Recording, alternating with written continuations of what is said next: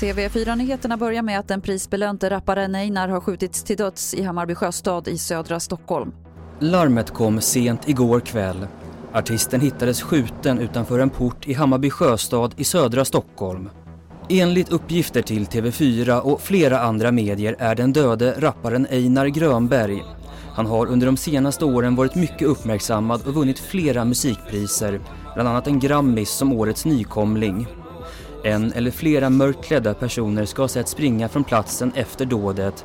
Ännu är ingen gripen. Einar Grönberg blev 19 år.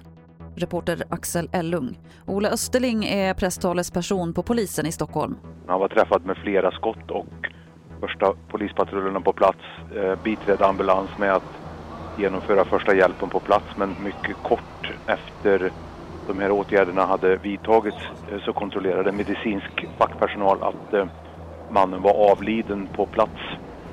Vi har förhört flera vittnen, säkrat och påbörjat en analys av eh, det filmmaterial som vi har hämtat in från övervakningskameror. Parallellt med det så har vi haft en insats där vi har sökt flera gärningspersoner. Och mer om det här finns på tv4.se. Jag heter Lotta Wall.